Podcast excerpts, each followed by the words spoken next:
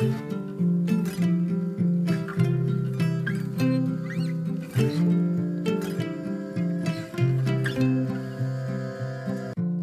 och välkommen till For Health med Anna Sparre.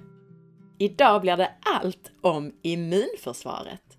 Vi pratar med Sveriges mest välutbildade läkare, den extremt kunniga Cecilia Fürst. Vad gör de olika delarna av immunförsvaret och hur regleras det? Hur vet du om ditt immunförsvar är TH1-dominant eller TH2-dominant? Och hur kan du balansera det så att du blir av med allergier, intoleranser och autoimmuna sjukdomar? Hur ska man tänka kring vaccination mot olika sjukdomar? Hur påverkar stress ditt immunförsvar och vad spelar tarmhälsan för roll? Du får många konkreta tips på allt från kost och tillskott till stresshantering. Allt för att balansera ditt immunförsvar. Tack till vår sponsor Happy Food Store som gör den här podcasten möjlig. Puddistamo trippel magnesium från Happy Food Store innehåller de former av magnesium som jag själv rekommenderar för bästa upptag. Magnesiummalat, magnesiumglycinat och magnesiumtaurat. Det säljs just nu dessutom till kampanjpris. Trippel magnesium är helt fritt från tillsats och fyllnadsämnen. Gå till happyfoodstore.se. Missa inte att jag ger mig ut och föreläser tillsammans med populära läkaren och funktionsmedicinaren Cecilia Fürst. Det blir ett halvdagsevent med Dr. Cecilia Fürst och Anna Sparre på temat Styr din hälsa och bli frisk med rätt mat och tillskott. Missa inte din chans att ställa dina frågor till oss. Första eventet blir i Malmö den 7 april. Det andra i Göteborg i Walkfeelings lokaler den 28 april och där kommer du dessutom få ett smakprov på walkfeeling. Och det tredje eventet blir i Stockholm den 5 maj. Du hittar biljetter via fliken föreläsningar på forhealth.se. Om du gillar den här podcasten och den gratis information den innehåller så dela med dig till din vän eller familjemedlem eller varför inte på Facebook. Och så får du inte missa att lämna en recension i iTunes. Tack på förhand! Och du vet väl om att du kan ladda ner mina e-böcker via fliken böcker på forhealth.se.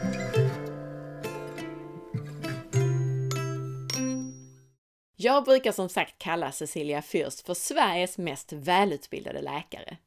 Hon är specialistläkare i allmänmedicin. Hon är utbildad inom funktionsmedicin och inom Metabolic, Nutritional and Anti-Aging Medicine i USA. Samt inom regenerativ medicin i Italien och USA. Till detta kommer studier i kemi vid Lunds universitet och forskning inom diabetes vid Universitetssjukhuset i Linköping. Inte minst för att hon är en av mycket få svenska läkare med full utbildning i functional medicine så är hon extremt eftertraktad. Hej Cecilia, och välkommen tillbaka igen! Tack så mycket! Jag tänkte idag att vi ska prata om immunförsvaret och inte minst immunförsvarets koppling till tarmen.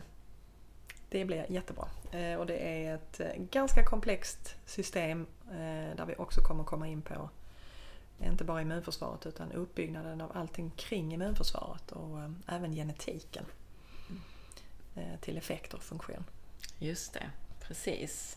För det är ju därför du tar upp det i din bok att det, när du skriver om genetik så är ju nästan två kapitel handlar ju om faktiskt immunförsvaret. Precis, mm. precis. Därför att det har så stor betydelse för just det här med att aktivera gener.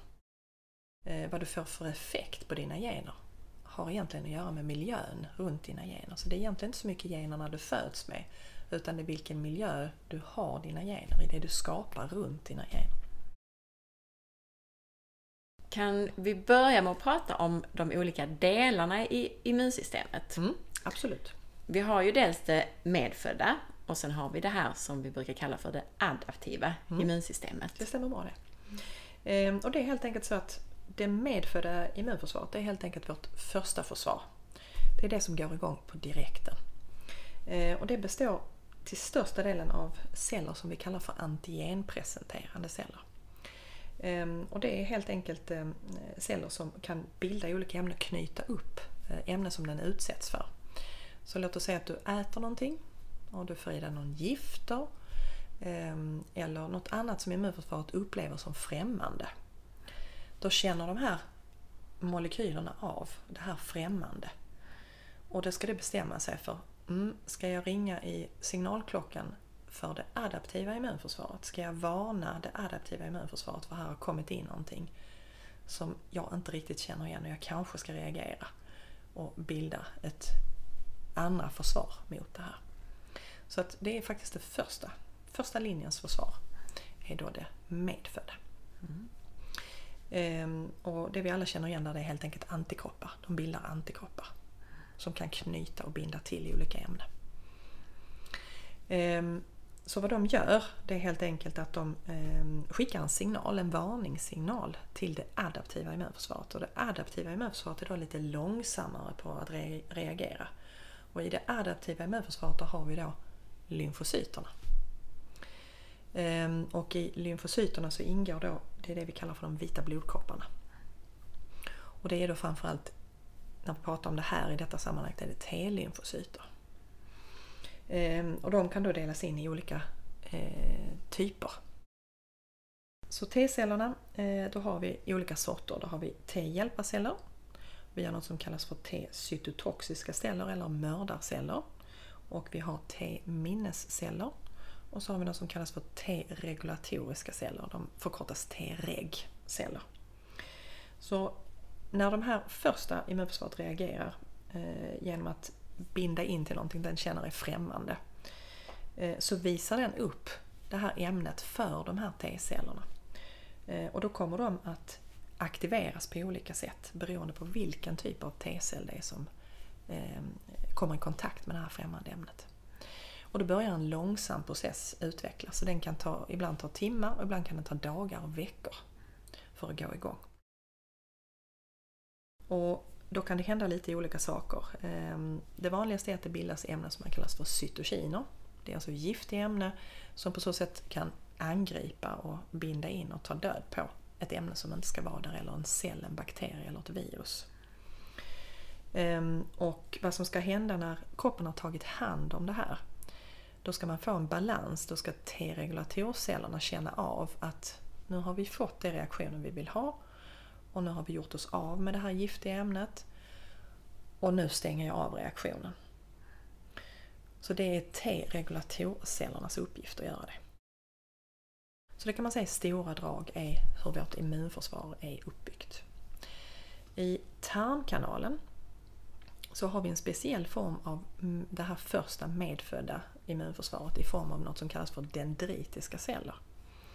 Eh, och de finns helt enkelt i ytan i tarmepitelet, så den ligger mellan cellerna. Ehm, och så skickar den in, kan man säga, antenner in emellan tarmcellerna. Och de där antennerna ligger hela tiden och känner av när det kommer in ämnen som den inte riktigt känner igen eller som den uppfattar som främmande på något vis. Och när den då har bundit in någonting som den känner främmande, det är då den kallar på T-hjälparceller. Så vi har alltså en specifik typ av celler i eh, tarmepitelet som är då det här första immunförsvaret då, och de, där kallar vi dem specifikt för dendritiska celler. Just det. Och jag tror att det här kan nog vara rätt så komplicerat att höra om man har hört mm. det för första gången. Absolut. Men det här medfödda och den här första linjens försvar. Där hörde vi då bland annat om dendritiska cellerna i tarmen. Mm. Och makrofager är säkert någonting som många har hört om innan. De tillhör mm. väl också det här? Va? Ja, de som slukar redan eh, precis. precis. när de kommer in då, ja. virus och bakterier och annat.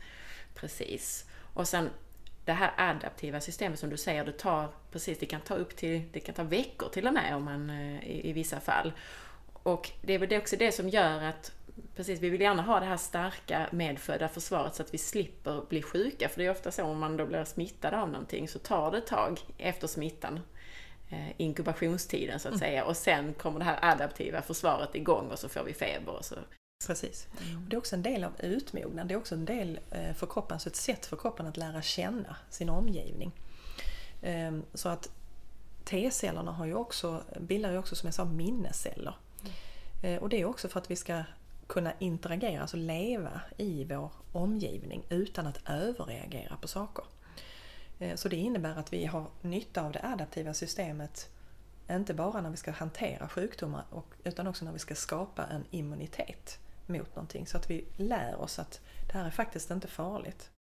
Eller om man har gått igenom en viss typ av infektion så har den skapat en, en buffert för oss. Den skapar celler som gör att nästa gång du utsätts för samma ämne så har du redan minnescellerna som kan aktivera immunförsvaret mycket snabbare denna gången. Och då behöver du inte alls bli sjuk på samma sätt som du, när du fick det första gången. Eller överhuvudtaget bli sjuk. Utan immunförsvaret har redan en första försvar för det då i form av att det har bildat minnesceller som kan reagera på direkten. Så då tar det inte en timme eller flera timmar eller någonting utan då, då går det igång. Därför att det har ett minne av en tidigare liknande händelse. Just det, och det är så vacciner också fungerar, Precis. eller hur? Mm. Så det. Skapar minnesceller. Du nämnde nu, nu pratar du mycket om T-cellerna, men vi har ju också något som heter B-celler. Vad är mm. skillnaden mm. mellan B-celler och T-celler? Mm. B-celler är helt enkelt celler som eh, på ytan har eh, små, vad kan man säga, ser ut som Y-formade utskott. Och de har då förmåga att binda in ämne och känna av. Är det här någonting jag känner igen? Är det här någonting jag ska undersöka närmre? Ehm, och de kan då också bilda och släppa antikroppar. Så det innebär att när de har känt av ett ämne så kan det leda till att den här cellen mognar ut och blir fler och kan bilda fler antikroppar för den känner kanske att det här vill jag inte ha där, nu måste jag ta hand om detta. Då, går, då gör B-cellen något som vi kallar för differentiera, den blir fler och bildar specifika antikroppar som är riktade mot det här ämnet. Och vad som händer rent fysiskt då är att de här antikropparna de fäster in i massa mängder på det här ämnet och klumpar ihop det helt enkelt och gör det synligt för till exempel makrofagerna att äta upp det. Och det här är ju en viktig del då, både i det ska vi säga, vanliga försvaret mot sjukdomar, men jag tror att många känner igen det här med de här antikroppsproducerande cellerna ifrån just allergier och intoleranser. Precis. Och där har du skillnaden mellan eh, vad vi kallar för ett immunförsvar som antingen kan vara TH1-medierat eller TH2-medierat. Och TH står helt enkelt för T-hjälparceller. Ehm, så att när du har eh, T-hjälparceller som ehm, har att göra med ehm, TH1-celler då har vi de här cytotoxiska cellerna, de här som bildar mördarcellerna. Och de är ganska aggressiva eftersom de bildar ämne som egentligen ska ta död på någonting. Ehm, och det är när de blir överreglerade som du har en ökad risk till exempel att drabbas av autoimmuna sjukdomar. Så då har du de här som vi känner igen som eh, autoimmun eh, sköldkörtelsjukdom. Eh, vi har reumatiska sjukdomstillstånd. Vi har eh, inflammatoriska tarmsjukdomar som ulcerös kolit och morbus Crohn. Där har du alltså en överaktivitet i T-hjälparcellerna av typ 1. Eh, och då de här mördarcellerna. När du då har B-celler, det du berättar om eksem och det här, då har du istället ett TH2-system som är lite för dominant och inte kan stängas ner på ett adekvat sätt. Och det är där vi känner igen alla allergier, eksem. Så det är den, den sidan av immunförsvaret. Så att de här T-hjälparcellerna de, de aktiverar i sin tur andra delar av immunsystemet, till exempel då B-celler som Precis. du sa. Men betyder det egentligen att man sällan har de här sjukdomarna samtidigt? Allergier och de här andra som är de mer TH1-dominanta? Mm. Eller? Eh, det är ganska vanligt att man har antingen TH1 eller TH2. Sen mm. finns det de som har både och. Ehm, som har svårt att reglera de här systemen. Eh, och det har man då kopplat mer till T-regulatorcellerna, att de inte mognar ut på ett korrekt sätt. Mm. Men det vanligaste är att man är antingen TH1 eller TH2 dominant. Och det gör att man har större, vissa har större risk att eh, drabbas till exempel av allergier och andra har större risk att drabbas av autoimmunitet. Och tittar man i sin familj bakåt så kan man se vilka sjukdomar som finns hos ens farmor, farfar och mormor och morfar. För då kan man se lite vad man har för immunförsvar. Och fundera på, okej, okay, har vi autoimmuna sjukdomar, till exempel sköldkörtel, struma? Eh, har vi ledgångsreumatism? Eller har vi problem med hösnuva, pollenallergier, eksem. Då har vi två olika typer av immunförsvar som är aktiverade och det är någonting vi ärver. Eh, så där, bara där kan man liksom direkt ta reda på vad har jag? Vad är, vad är, vad är mina risker? Mm. Är jag en TH1-person eller är jag en TH2? Och då kan jag också välja lite hur jag ska tänka runt hur jag ska leva helt enkelt. Hur kan jag balansera mitt immunförsvar? Mm. Beroende på vad jag har med mig i min släkt. Det här med vaccinationer och så. Övervaccinering har jag hört kan påverka den här balansen TH1, TH2. Kan du säga något om det, alltså hur det påverkar? Um, ja, där finns, där finns, alltså det där är svårt därför att vi kommer återigen in på det här med genetik. Och att man kan befinna sig i ett känsligt läge när man får sina vaccinationer. Och likadant det här att man kopplar ihop flera vaccinationer i ett.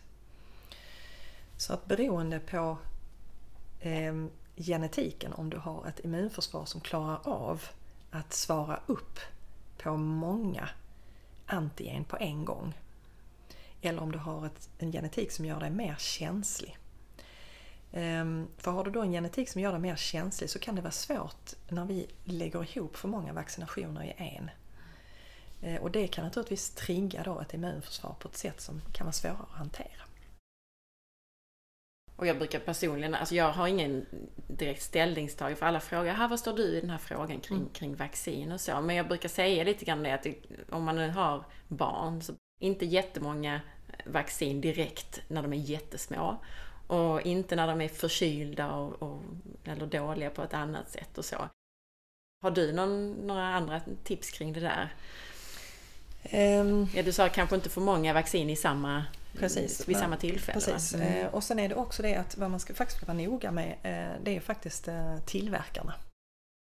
Och se till att vi får bra vaccin. Mm. Um, och då har man gjort olika tester på olika sätt men det finns faktiskt bra och dåliga vaccin. Um, och bärarämnena i vaccinerna kan skilja sig åt. De här hjälpämnena? Hjälpämnena, mm. precis. Allt från är, kvicksilver till... ja, precis. Så att hjälpämnena mm. kan faktiskt också trigga reaktioner hos känsliga individer. Däremot så är det ju vissa sjukdomar som är farliga att få. Mm. Um, och där, där risken är för stor, där jag ändå rekommenderar alltså vaccinationer. Eh, men där man måste ta ett eget ställningstagande eh, till var man själv står i den frågan och försöka skaffa sig så mycket information man kan. Men det är precis som du säger att eh, Ehm, många tycker inte att det spelar någon roll om man är förkyld eller om man vaccinerar. Det tycker jag att det gör. Därför att då har du redan ett immunförsvar som är lite påverkat. Och har du då en känslig individ där du faktiskt inte vet eh, vad de har med sig i bagaget i form av genetik så tycker jag det är en onödig risk att ta. Utan det är bättre att vaccinera i ett läge när barnet faktiskt är friskt. Och definitivt för sjukdomar som, eh, där konsekvenserna kan bli allvarliga som till exempel mässlingen eftersom det kan ge inflammationer i hjärnan, alltså encefaliter och det kan bli men för livet, alltså de kan bli, man kan bli handikappad. Mm. Så att där eh, fyller vaccinerna en funktion. Men däremot ifrågasätta sorten och typen och vilka hjälpämnen är i det. Och vilken tidpunkt man tar det. Och vilken tidpunkt man tar det. Just det. Mm, jättebra tips. Och anledningen till att jag ställer den här frågan just nu är att jag har hört att det kan, vaccinera mycket kan påverka just den här balansen mellan TH1 och TH2. Har du någon kommentar kring det? Mm. Ehm, det då, då, hamnar vi på genetiken. Mm. Ehm, och där är alltså faktiskt där är relationen mellan T-regulatorcellerna och en speciell form av T-hjälparceller som är TH17-celler. Så det är balansen mellan de två. Eh, och balansen mellan de två kan vara bra eller dålig beroende på allmäntillståndet hos individen. Så låt oss säga att du har ett barn som har tidigt fått antibiotikabehandling eh, och har fått en tarmflora som ändrat sig. Då kan du i en sån situation ha fått en uppreglering av TH17-cellerna och de aktiverar immunförsvaret och det kan leda till att man triggar igång en autoimmun sjukdom till exempel. Så att det handlar alltså egentligen om stabiliteten i systemet hos individen som ska få vaccinationen. Så att har man då eh, som sagt ett barn som har varit sjukt mycket och har till exempel använt antibiotika mycket, då hade jag som mamma valt att vänta och se till att jag får ordning på maten, jag får ordning på tarmfloran. och jag ser till att barnet är friskt. Sen välja. Eh, och det är då beroende på den här balansen mellan de här två. För att då minskar du risken för att du ska trigga igång en obalans i det här som eh, du beskriver här med eh, det här TH-viktade, de olika vikterna mellan immuncellerna, de immunkompetenta cellerna.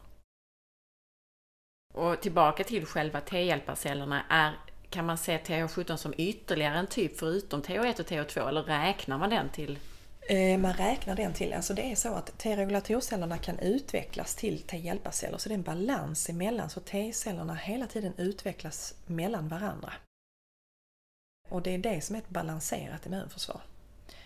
Eh, och det är när man tappar den balansen och den ena får en övervikt i förhållande till den andra eh, som du kan hamna i bekymmer. Så att, säga. Det, så det, är inte, det är inte enskilda celltyper utan de här omvandlas i varandra.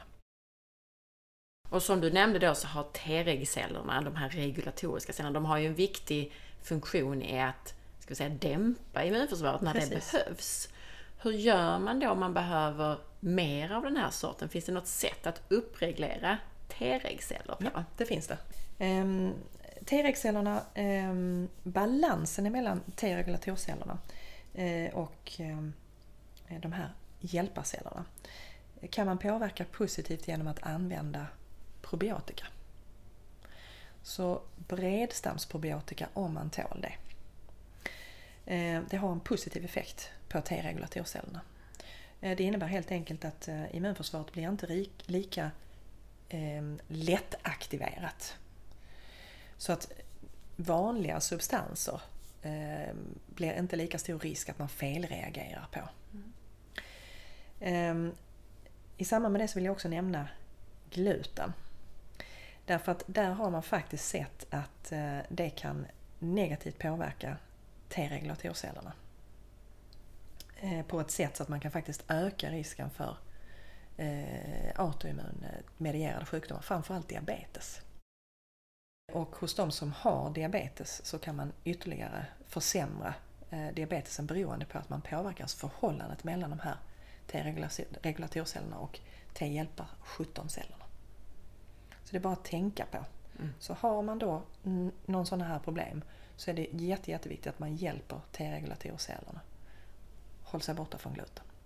Och vilka problem då är, är de typiska som man ska tänka på? Just de här sakerna. Att man vill få mer T-regceller. Ja, då är det när du, är, alltså när du är, känner dig krasslig av någon form. Alltså du har lätt för att få infektioner till exempel. Du har en autoimmun sjukdom ehm, eller du har eh, en, eh, alltså vanliga hjärt-kärlsjukdomar till exempel. Ehm, triggas också av fel på balansen mellan T-regulatorcellerna och de här TH17-cellerna. Så där kommer det här med probiotika in till exempel. Det ökar då T-regulatorcellernas förmåga att balansera. Eh, D-vitamin vet vi också har en direkt effekt på T-regulatorcellerna. Och omega-3. Något man ska tänka på det är att ett högt intag av fett i kosten det påverkar T-regulatorcellerna negativt. Så fettet måste alltid balanseras. Så mängden. Eh, och då är det faktiskt framförallt eh, ökar risken för hjärt-kärlsjukdomar. Så där har man egentligen det som triggar igång och pushar immunförsvaret åt fel håll. Så man mm. får alltså ökad fettinlagring. Är det alla sorters fett eller är det specifika sorters fett? Eh, det är både typ och mängd. Därför att vi är olika Eh, känsliga för och kan hantera fett på olika sätt. Så det är vi återigen tillbaka i, i genetiken. Vissa har en genetik där man lätt kan omsätta, bryta ner och förvara fett. Andra är lite sämre på att ta hand om det. Ehm, sen har vi de farliga fetterna, vilket vi aldrig ska se till att få i oss. Och det är de här som är modifierade på olika sätt. Eh, så att all form av preparerat kött som ligger i diskarna, som man antingen har gasat eller eh, lagt i marinader, plastförpackat, det förändrar fettet och fettstrukturen och gör att man får mycket, mycket mer skadliga eh, härskna fettdelar i det helt enkelt. Man bildar mycket omega-6 i den processen. Och omega-6 triggar de negativa effekterna av arachidonsyra som ger inflammation helt enkelt.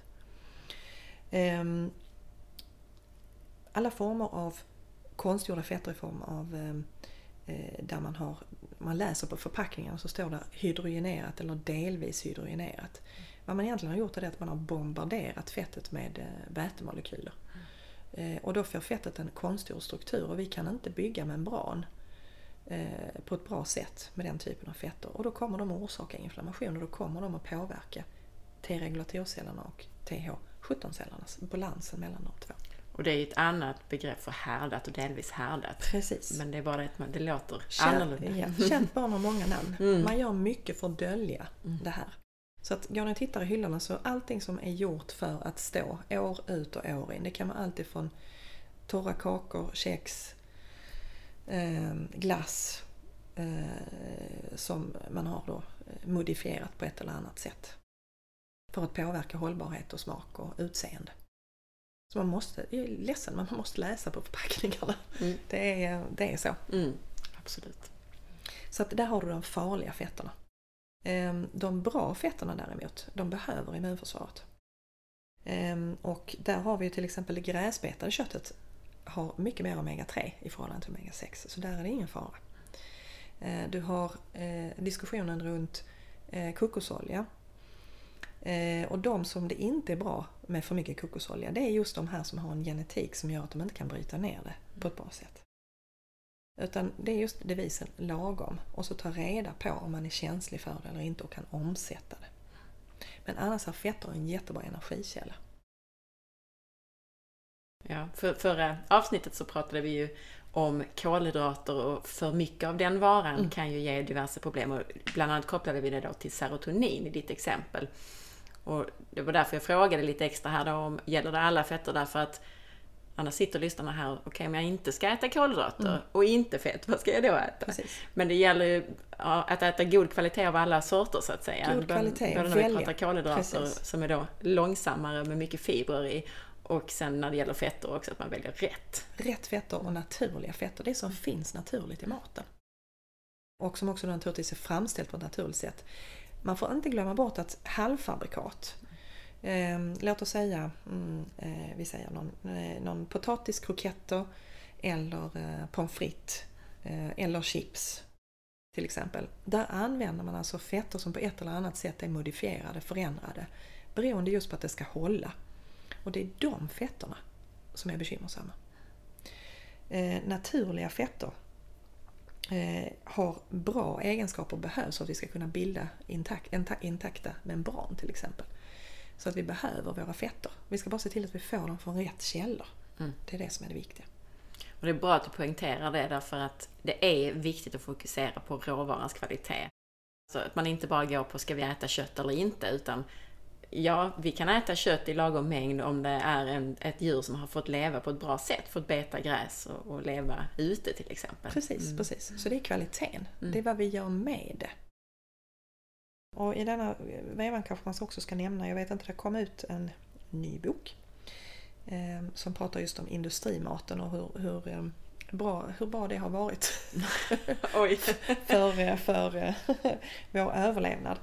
Eh, och för att eh, mänskligheten har skulle kunna eh, ja, försörja sig matmässigt. Ehm, och ehm, där kan jag väl säga att visst, så länge vi gör produkter som inte förändras eh, och att vi tillför saker som normalt inte finns i maten eh, så är det helt okej. Men tyvärr så är det ju så att det vi ofta hittar i de här diskarna med olika typer av processad mat inte bara innehåller det det ska innehålla. Och dessutom är kvaliteten och eh, näringsämnena förändrade. Eh, så att hur man än ser på det och hur de än vill försöka få oss att använda den typen av produkter så råder jag folk att använda ditt sunda förnuft. Det kan vara jobbigt att laga mat från grunden men vi är av naturen och vi kommer hantera näringsämnena annorlunda om de har genomgått olika typer av processer. Eh, De tog ett bisarrt exempel tyckte jag därför att de jämförde att köpa pommes frites i påse och att fritera hemma själv. Eh, och det är två onda ting båda två. Mm. Det är samma process. Det är möjligtvis att det är lite mindre i det du köper i påsen. Eh, därför att de styr och mäter de processerna än det du gör hemma själv och du kanske använder om en dålig olja.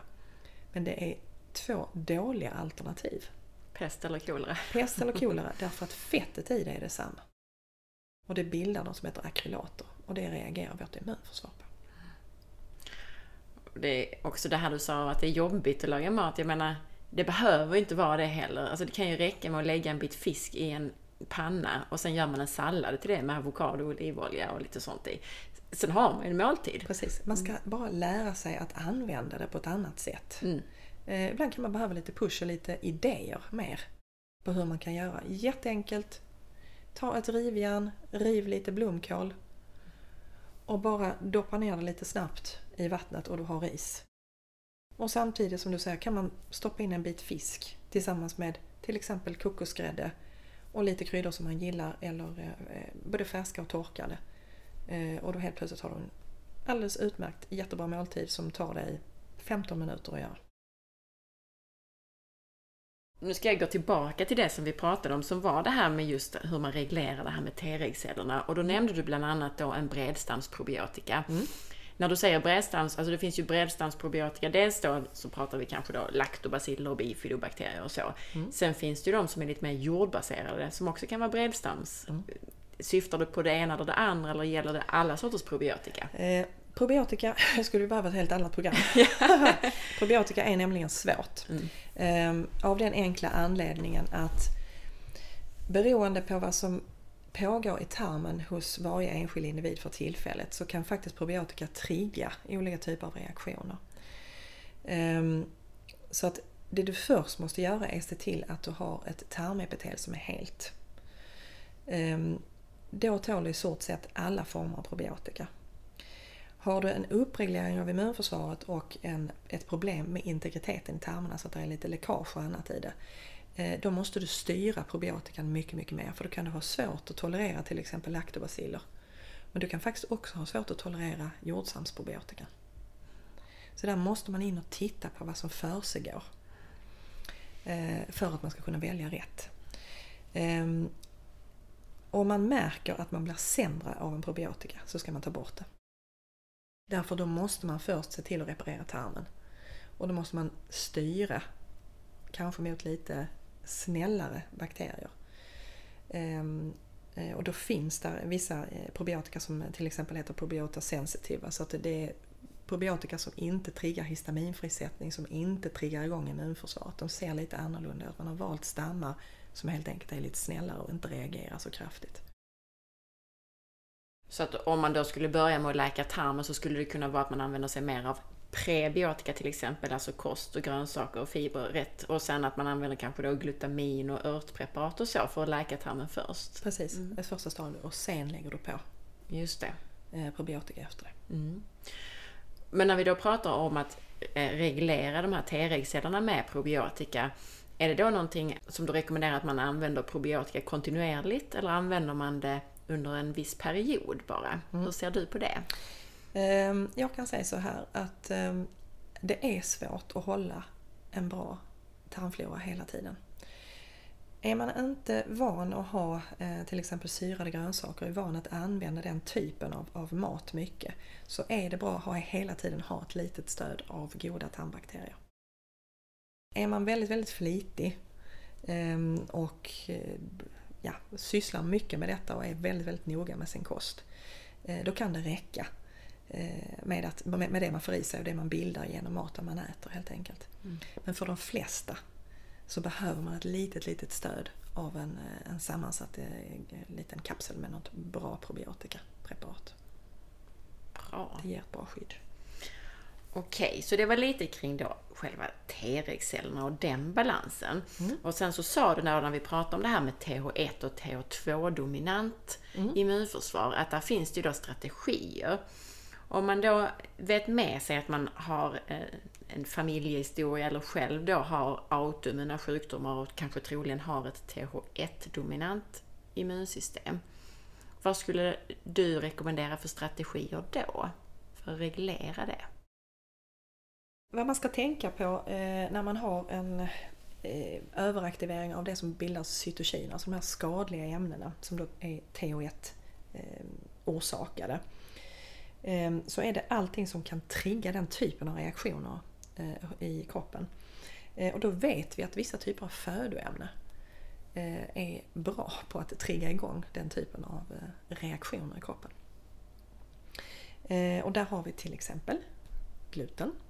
Så oavsett om man har någon celiaki som alla testar för i ny och nedan så är det egentligen inte den effekten som är den skadliga Ehm, i, i det här fallet. Utan du kan alltså ha en överaktivering av TH1 av gluten beroende på gluten som molekyl och inte kopplat till celiakin tvunget.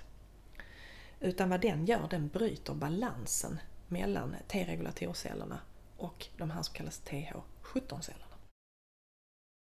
Så det är en sak du kan tänka på om du har en eh, ökad risk för autoimmuna sjukdomar.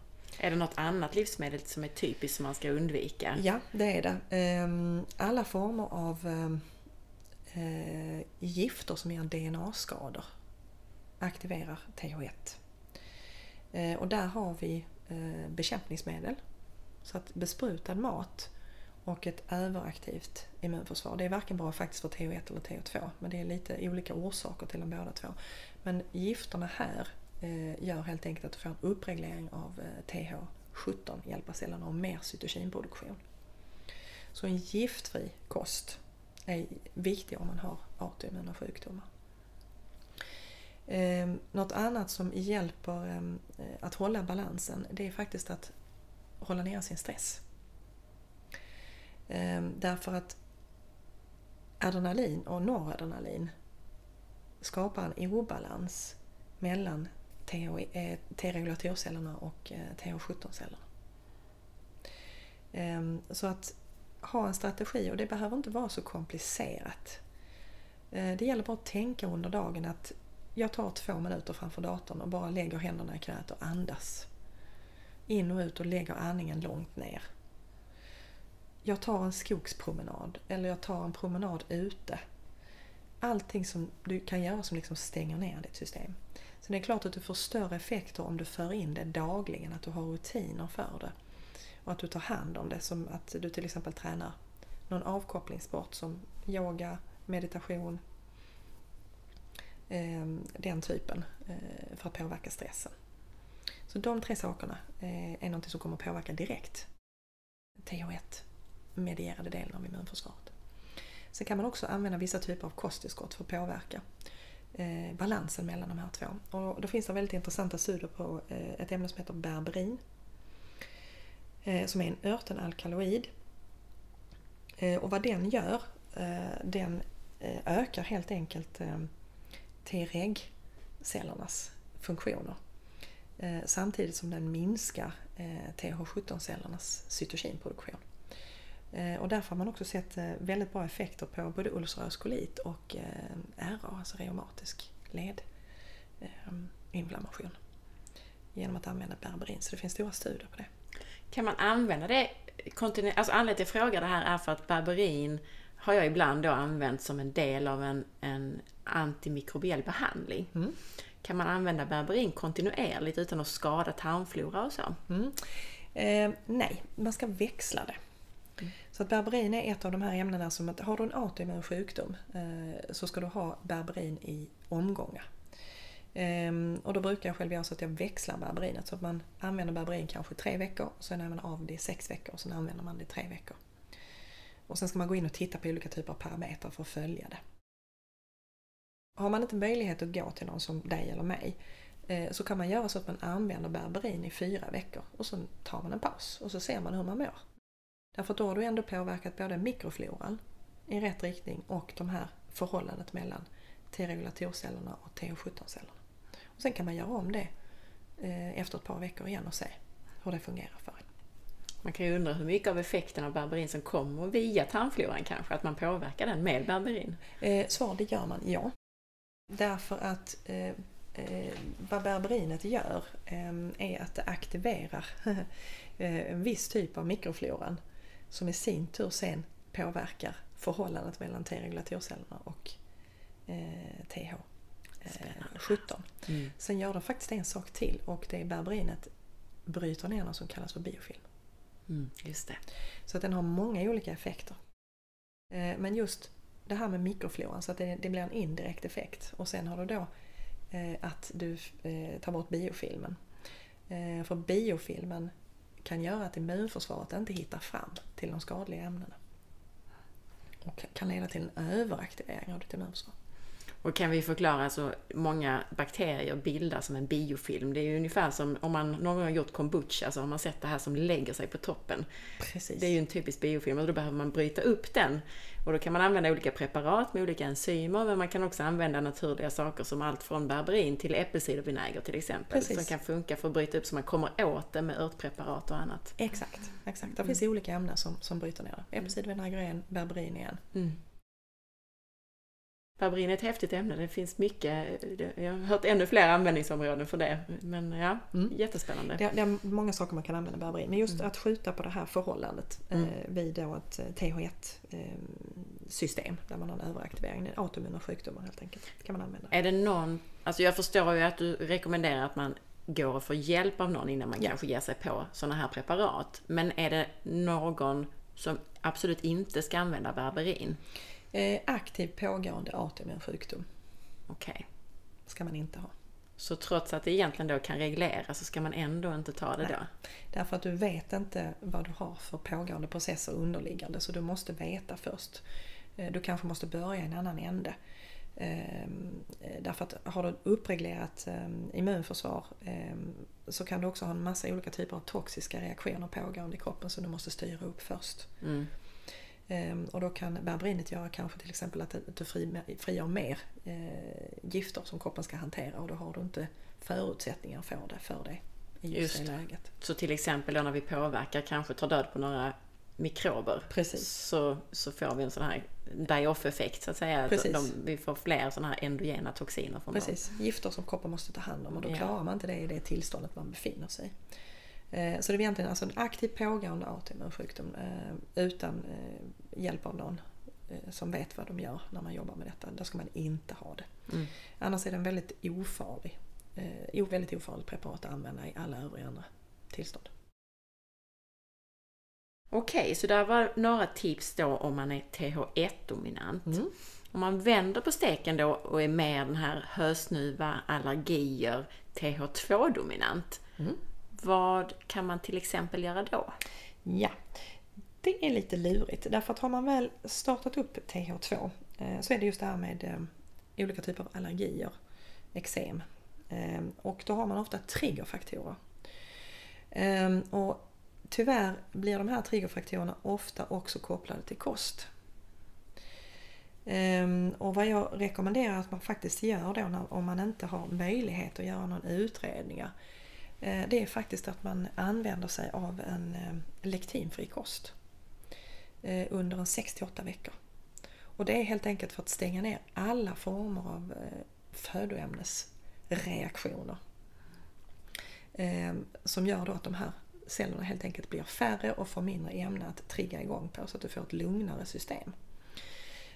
Och i samband med det så ska du då också tänka på alla andra ämnen som triggar Eh, TH2-systemet. Det är till exempel plaster, så att om du dricker vatten och plastflaskor eller du har mat i plast.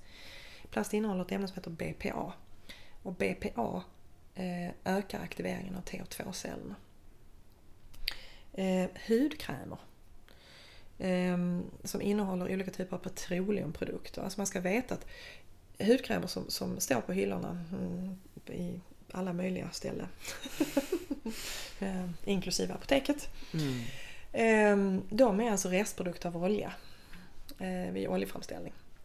Eh, Och vi vet att det är, blir en belastning på kroppens avgiftningssystem. Och huden är ditt största organ så smörjer du in dig med de grejerna varenda dag. Eller du tvättar håret i de här.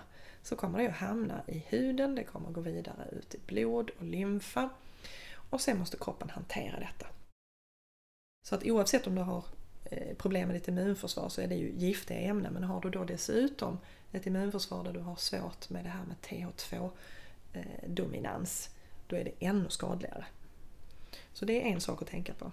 Mm. Hudprodukterna, använd dem inte om de inte är fria från eh, de här olika typerna av ämnen. Och där ska jag tipsa om att dels så har jag eh, tips på hur man med bara typ två eller tre ingredienser kan göra en egen hudkräm på forehand.se mm. och så har vi gjort ett par avsnitt med en tjej som heter Sara, som eh, Saras eviga kallas hon för. Eh, där, jag tror det är 169 och 170 där hon ger jättemånga bra tips på vad man kan göra istället för att köpa de här produkterna. Precis. Så återigen, använd det som är naturligt. Yeah. Tillsatser skadar därför tillsatser måste avgiftas.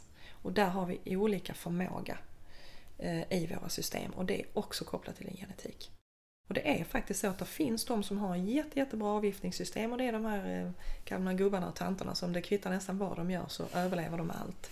Men eh, de är tyvärr väldigt få. Mm. Vi andra är många fler. Det är de som alltid hänvisas till. Ja men han Precis. åt ju kakor hela livet och rökte och ja. Precis, mm. exakt.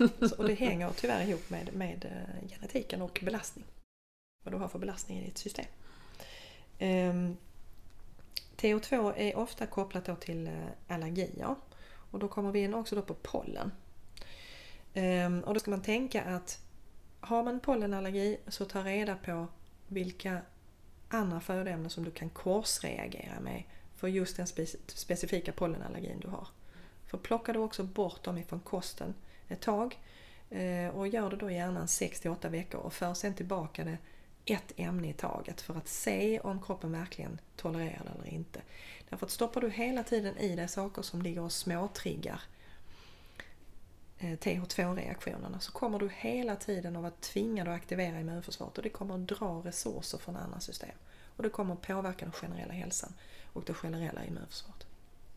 Det är en viktig sak som du tar upp där och kanske då särskilt under pollensäsong, att man är extra noga då. Extra noga. Har du något exempel på någon sorts pollenallergi som kan reagera, alltså korsreagera med någon sorts mat? Ja, om du tar till exempel björkpollen eh, så har du alla, tyvärr alla former av kärnfrukter. Jätte, jätte, jättevanligt är det. Så det, är nästan det vanligaste. Jag kan också tipsa om att eh, det enklaste sättet att ta reda på det, det är faktiskt att gå in på Allergiförbundet. För där, där finns det långa fina listor. Där de har skrivit upp gräspollen, tänk då på det här och det här. Björkpollen, tänk på det här och det här. Så där kan ni enkelt och snabbt få reda på vilka födoämnen som kan vara problematiska och testa och utesluta dem och sen föra tillbaka dem och se hur man mår. Du tipsade igen också om att man skulle testa en lektinfri kost. Mm. Och lektiner finns ju mycket bland annat i bönor. Mm. Vad finns det mer? Vad är det mer man ska utesluta? Eh, det vanligaste att stoppa i sig är faktiskt bönor. Eh, för man är ganska glad för, för att använda det. Eh, och det, innehåller, det är egentligen det som innehåller mest, mm. tyvärr. Mm. Mest lektiner om man är känslig för det. Eh, vad har du mer? Eh, jo, du har det i alla former av eh, det vi kallar för eh, alltså squash, gurka, tomater. Och det är helt enkelt därför att kärnhusen och skalen innehåller lektiner. Mm. Eh, och där kan man göra till exempel med tomater, där kan man faktiskt lägga ner dem i kokande vatten och, och skala av skalet och ta ut kärnhuset. För då har du tagit bort det mesta av lektinerna. Så kan man också tillaga dem för de minskar också mängden lektiner i det. Ehm, eh, alla former av alltså chilifrukter, paprika innehåller också mycket lektiner. Hur är det med andra potatisväxter där? Eh, aubergine och potatis till exempel? Eh, potatis är också ganska högt på lektiner. Eh, aubergine är också en, eh, en växt som innehåller mycket lektiner. Innan vi lämnar det här med TH1 och TH2 och går vidare in till mer tarmfloran och kopplingen till immunförsvaret så kommer jag bara tänka på det här med psoriasis. Det är ju både autoimmunt kan man säga, men en sorts eksem kan man också säga det som. Vad skulle du säga, de, den som lider av psoriasis, är man troligen TH1 eller TH2-dominant? Har du någon aning om det? Ja, eh, det är en liten luring den. Eh, för att de har faktiskt ofta ehm, en felstyrning i båda systemen. Oj, kan man ha det då säga? Det kan man tyvärr ha. Mm. Ehm, de som får eh, en psoriasis som vi kallar går inåt. De har framförallt en TH1-dominans. Så det sätter sig på leder och så? Precis. Mm. Eh, De som har både och har både problem med TH1 och TH2. Och de som går ut i huden, där har du en liten del som är TH1 men mycket som drivs. Man driver sjukdomen med TH2. Eh, Och det är också därför man kan få fantastiska effekter på psoriasisen. Man kan alltså få eh, både psoriasisartrit och eh, psoriasis att helt gå i regress eh, genom att ta reda på vad som triggar det. Och då har jag haft flera patienter där, vi har, där de har gått helt tillbaka och kunnat sluta använda läkemedel överhuvudtaget. Och när du säger vad som triggar det, kan det vara då det som du gav som exempel? Allt från lektiner till BPA?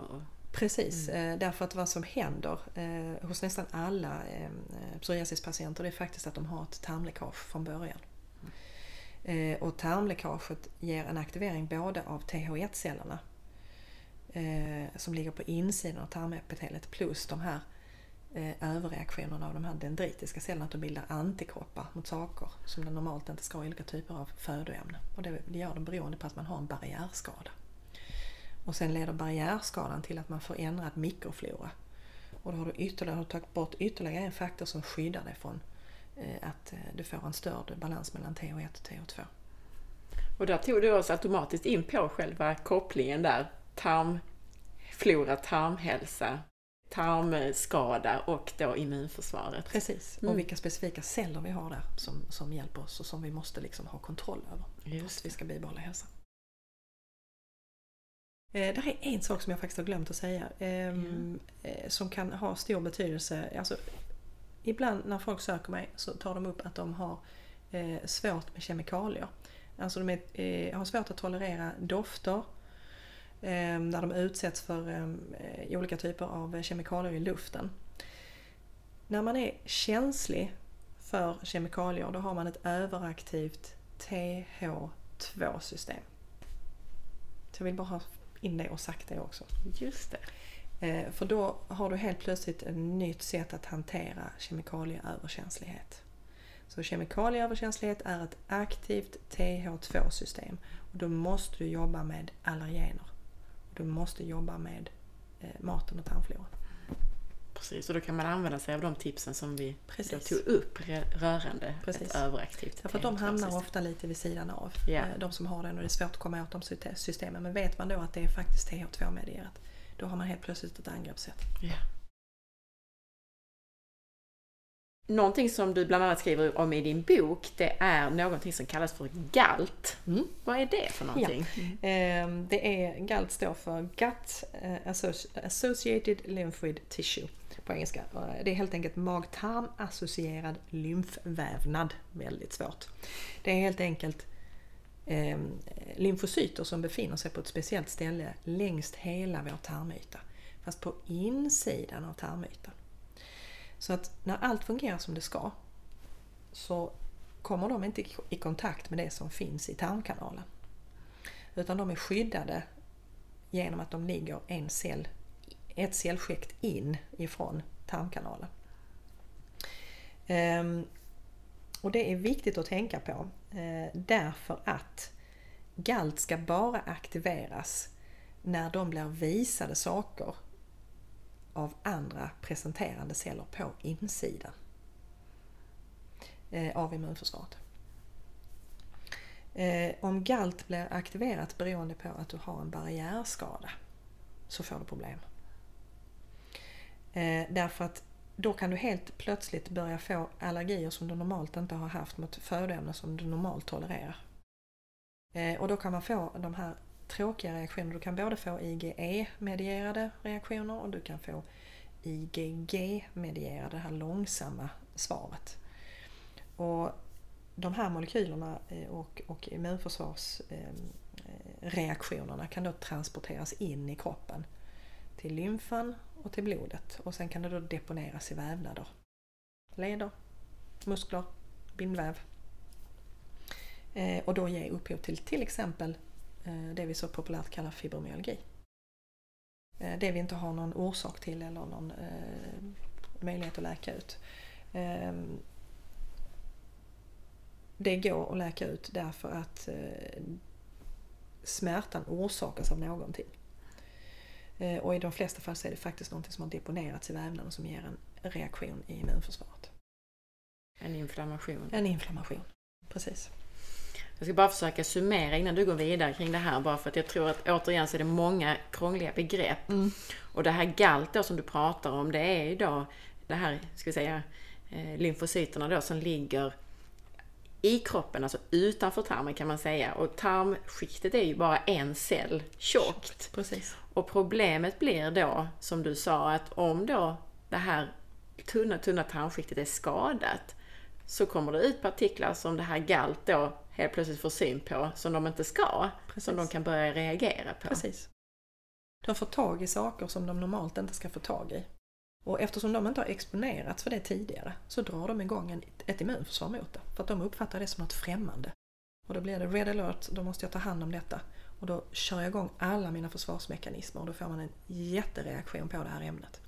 Och problemet då, det är ju till exempel att du kan få minnesceller för ett ämne som egentligen är normalt.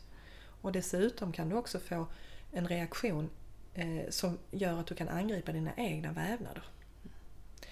Ehm, därför att ibland så klistrar ämnen på varandra. Och är det någon liten bit som påminner om någonting du har i din, i din vävnad, till exempel i ledkapseln eller något sådant, så kan det faktiskt trigga en reumatisk reaktion i leden. Ett bra exempel på det är till exempel när du har, om du har varit utomlands eh, och råkat ut för en kraftig maginfektion. Ehm, och och eh, efter det, när du kommer hem, så helt plötsligt så får du ledvärk. Då har du fått en barriärskada och du har fått en reaktion i de här galtvävnaden som sen har transporterats in i kroppen. Ehm, och där har jag haft eh, eh, patienter som har blivit bedömda att ha vad man kallar för idiopat eller icke ehm, Ehm, alltså man har inte kunnat sätta diagnosen reumatoid artrit, alltså RA.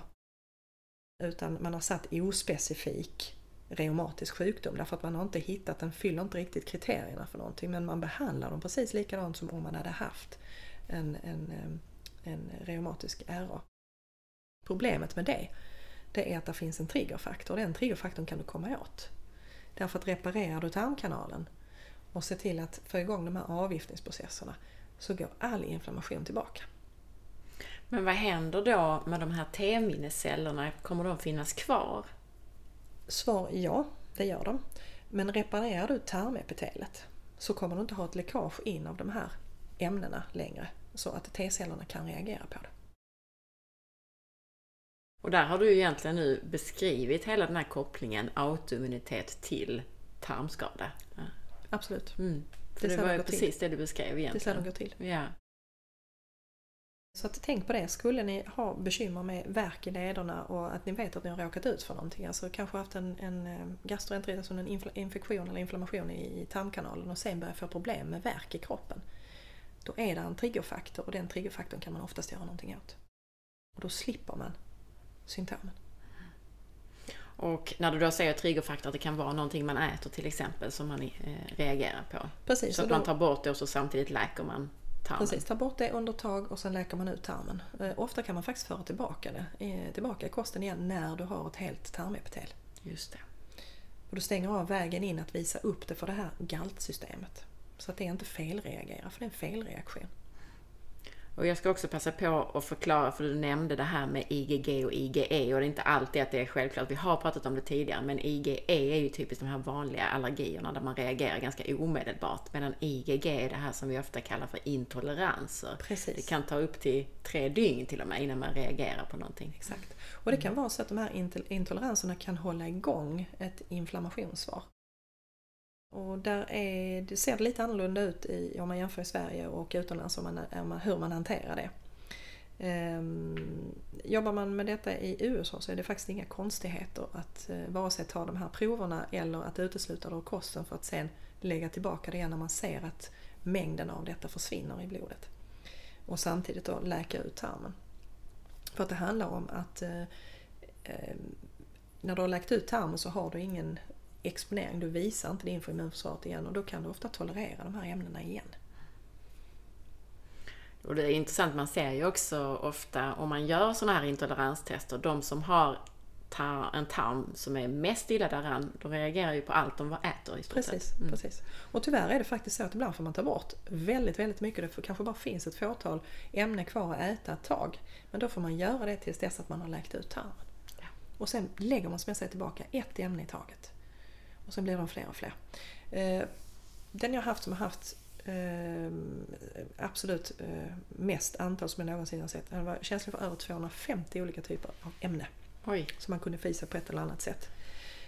Och där hade vi en fantastisk kost på 10-15 eh, födoämnen vi kunde använda oss av. Till att börja med. Och sen så satte vi igång den här stora utläkningsprocessen och det var inte lätt. Eh, och, och försöka hålla sig strikt till en så pass tråkig kost som det var till att börja med. Men när vi då väl hade fått förutsättningarna så började vi lägga tillbaka eh, ett ämne i taget. Och i dagsläget kan jag säga att den här personen eh, har, eh, av de här 250 så är det bara 10 kvar som man inte kan äta. Åh, skönt. Så livet har blivit betydligt mycket lättare. ja, men det var någon vän som berättade för mig också att hon hade väldigt mycket allergier som liten. Att hon fick äta om det var ris, älgkött och päron eller någonting mm. sånt där under en mm. period. Det blir ju rätt enformigt kan man ju tycka. Precis, precis. Men bara man sätter igång med att läka ut de här underliggande strukturerna så kan man ofta lägga tillbaka. Och när du pratade om då att läka ut, vad gör man? Alltså förutom att ta bort det som man reagerar på så att tarmen har en chans att läka ut. Mm. Vad gör man mer som ett exempel? Mm. Eh, vad man ska tänka på. Eh, för det första måste man faktiskt ta reda på om, om det är så att man har någon överkänslighetsreaktion. Därför att de födoämnena eller ämnena måste bort. Utan det får du ingen utläkning. Så det måste man ta reda på på ett eller annat sätt. Kan man inte ta reda på det, eh, då måste man försöka, då, då är det bra till exempel att gå på en lektinlåg kost men att man även tar bort mjölkprodukter. Ehm, när man startar. Så en slags elimineringskost? Ja, man får gå på en mm. slags elimineringskost om man inte kan ta reda på vad man är känslig för. Sen behöver man reparationsmolekyler.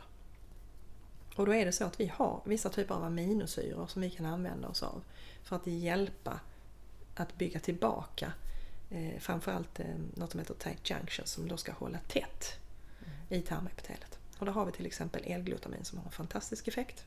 Och sen kan vi ta hjälp av lite olika eh, örter. Eh, och vi kan använda oss till exempel av en kombination där ofta eh, vissa typer av barkväxter och aloe vera ingår. Och de helt enkelt läker ut de här tight junctions. Eh, sen behöver vi få tillbaka ett slemskikt.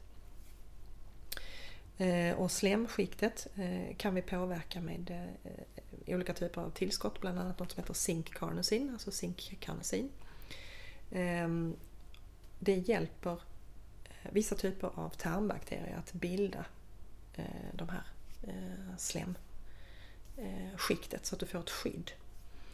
Och sen lägger du på olika typer av probiotika för att bygga tillbaka en normal sammansättning av tarmbakterierna. Ehm, det är jätte, jätteviktigt att man har regelbundna rutiner, att man äter på regelbundna tider. Eh, när man har problem med magen så är det faktiskt bra att ha tarmvila så att man till exempel kör lite intermittent fasta för att ge tarmarna en paus och en möjlighet att sätta igång de här reparationsprocesserna. Det är jätteviktigt att kontrollera stressen eftersom det påverkar sammansättningen av tarmbakterierna och påverkar också läkningsförmågan i tarmen. Så det är det man kan göra själv och prova och se hur långt man kommer. Just det. Med det. Och några av de örtpreparaten som du pratar om, du sa ju aloe vera men jag tänker att det finns ju sådana här marshmallow root och sådana här saker. Precis, de kommer kan... från olika typer av bark, eh, barkämnen. Det gör det. Mm. Ja, då gick vi från galt och sen kom vi hela vägen till hur autoimmunitet bildas och läckande tarm och vi fick med allt. Och det här med mikrofloran. Det är en sak jag vill lägga till på mikrofloran. Eh, för att jag ser ofta när jag är ute att Eh, många väljer att handla eh, olika typer av dietprodukter, alltså som innehåller konstgjort socker. Ehm, gör inte det. Eh, därför att det finns ingenting som stör tarmfloran så mycket som det. Eh, och man har till och med sett, eh, där kom en studie, en forskningsstudie från eh, ett israeliskt forskningsteam eh, där man hade kunnat se en direkt koppling mellan aktivering av en typ 1-diabetes beroende på Eh, en förändring av eh, tarmfloran och eh, användningen av sötningsmedel. Ehm, så att sötningsmedel är en kraftig triggerfaktor för immunförsvaret. Och det är sammansättningen och det är den här regleringsmekanismen som tarmfloran bidrar till.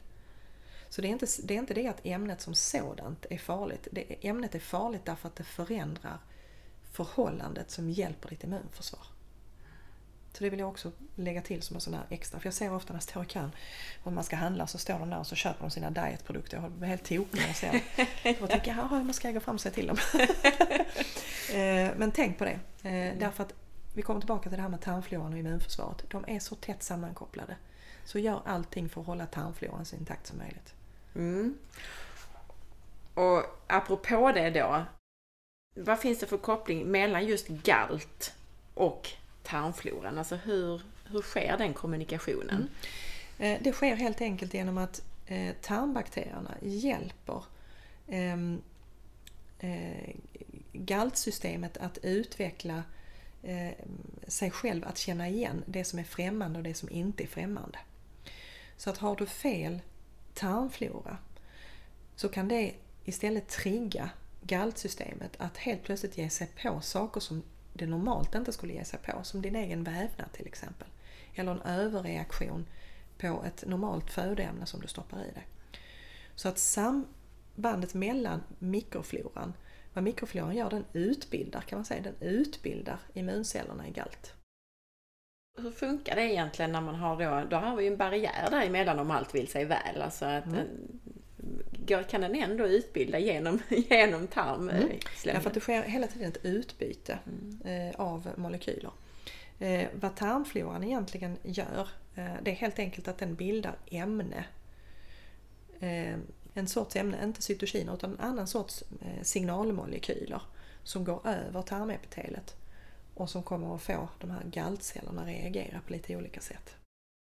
Så att det är egentligen molekylerna som de här mikroorganismerna bildar det är de molekylerna som kan gå över och som kan hjälpa galtsystemet att utvecklas. Det finns ju många kopplingar mellan just tarmbakterierna och immunförsvaret. Vad säger du om kopplingen mellan tarmfloran och immunförsvarets T-mördarceller? De här med T-mördarcellerna och tarmfloran Ehm, om man förändrar sammansättningen av det vi kallar för de goda tarmbakterierna, de vi vill ha där för att vi ska ha ett intakt immunförsvar. Ehm, om sammansättningen förändras åt en mer ogynnsam så är det vissa tarmbakterier som kan ha en betydande effekt på det vi kallar för T-hjälparcellerna. Ehm, och vad de då kan göra T-hjälparcellerna eh, när de får fel triggerfaktor från fel tarmflora, det är att de skyndar på ett immunförsvar på ett främmande ämne. Och då bildas det fler eh, T-mördarceller. Det bildas för många T-mördarceller. Så vi får alltså en felreglering. Så då kan den regleringen spinna iväg så att du helt plötsligt aktiverar ehm, eh, T-hjälparcellerna att bilda fler och fler T-mördarceller. Men T-mördarceller är väl bra om man tänker i förhållande till cancer och så? Eh, vi behöver ha dem, men om de går överstyr så kommer det orsaka en inflammation som du inte kan styra. Därför att T-mördarcellerna bildar ju det jag pratade om innan som kallas för cytotoxiska ämnen. Så de ämnena är egentligen till för att ta död på saker. Och det innebär då också att eh, de inte bara tar död på det de ska ta död på utan de kan även ta död på då frisk vävnad. Så du får alltså ett oreglerat immunförsvar som springer iväg med för mycket mördarceller som ger sig på även frisk vävnad. Vad häftigt att det är våra bakterier som styr det. Mm. Alltså det är inte vi själva. Utan... Nej, precis, det är våra hjälpare. Yeah. Vi har ju mer DNA från bakterier än vad vi har eget DNA. Yeah. Så det är ganska fascinerande att tänka. Så att, eh, vem som styr vem är egentligen ganska spännande att börja fundera på. ja, precis. Det finns ett ämne som heter Secretary IgA. Och det brukar man få ett värde på om man gör ett avföringstest. Mm förklara vad det här är för någonting. Mm. Ehm, IGA är eh, ett slags försvar eh, som är jätte, jätteviktigt ehm, om du råkar ut för någon form av inflammation i tarmen, då har man ett första försvar där man producerar en massa IgA-molekyler. Eh, det är helt enkelt antikroppar och de har då förmåga att oskadliggöra och binda sig till farliga ämnen och klumpa ihop dem så att de inte kan orsaka någonting i din kropp. De, man kan säga att de avväpnar farliga ämnen. Ehm, och goda tarmbakterier de hjälper till att stimulera produktionen av IgA. Ja då. Och det innebär också att har vi då en, ett ämne som stimulerar produktionen av IgA då vet vi att då har vi en pågående inflammatoriskt svar i tarmen. Så att dels har vi de goda bakterierna då som mm. håller uppe det här IgA i tarmen. Men om vi då får parasiter och grejer så kan det bli alldeles för mycket. Alldeles för mycket. Alltså du har helt enkelt aktiverat ett immunförsvar på ett eller annat sätt och då måste du ta reda på, är det så att jag har en infektion pågående? Varför har jag fått den här ökade produktionen? För det är någonting som talar om för kroppen att jag måste skydda mig. Och de goda tarmbakterierna hjälper alltså till att bilda IgA så att vi ska kunna bilda ett effektivt svar mot någonting som har kommit in. Mm. Så det kan ta hand om det som kommer Precis. in? Precis, mm. exakt. Så att ett scenario är att man ser ett, ett förhöjt då IgA i avföringsprovet och det kan då bland annat bero på en infektion. Det kan väl också bero på att man äter något man inte tål och så? Definitivt. Så mm. att all, allting som kan trigga en immun, immunförsvarsreaktion. Det kan vara allt ifrån eh, någonting du inte tål som du stoppar i dig. Det kan vara någon giftig ämne som du inte tål. Till exempel. Eh, det kan vara, som du sa innan, parasiter. Mögel kan det vara. Eh, så att allting som, som kroppen upplever som att det här måste jag ta hand om. Ett annat scenario som jag ser ganska ofta det är faktiskt att man har ett för lågt mm. sånt här IGA eller SIGA. Mm. Mm. Och då har man problem därför att det är kopplat till en gen som heter FUT2. Ehm, och det i sin tur är faktiskt kopplat märkligt nog till blodgruppssystemet. Är det. Ehm, och då har man sett att olika blodgrupper har olika förmåga att eh, eh, bilda IgA. Det är alltså kopplat till det. Ehm, och man kan se låga IgA-nivåer när man har ett FU2-enzymsystem, alltså den genen inte har förmåga att ehm, helt enkelt tändas upp och, och gå igång när du får en stimulering därför att enzymet som den genen ska reglera är för långsamt. Du har en kombination i den genen som gör att det enzymet är lite långsamt och då får du en minskad produktion av IgA. De flesta fall när jag ser det, då är det personer som är utmattade eller har stressat väldigt mycket. Mm.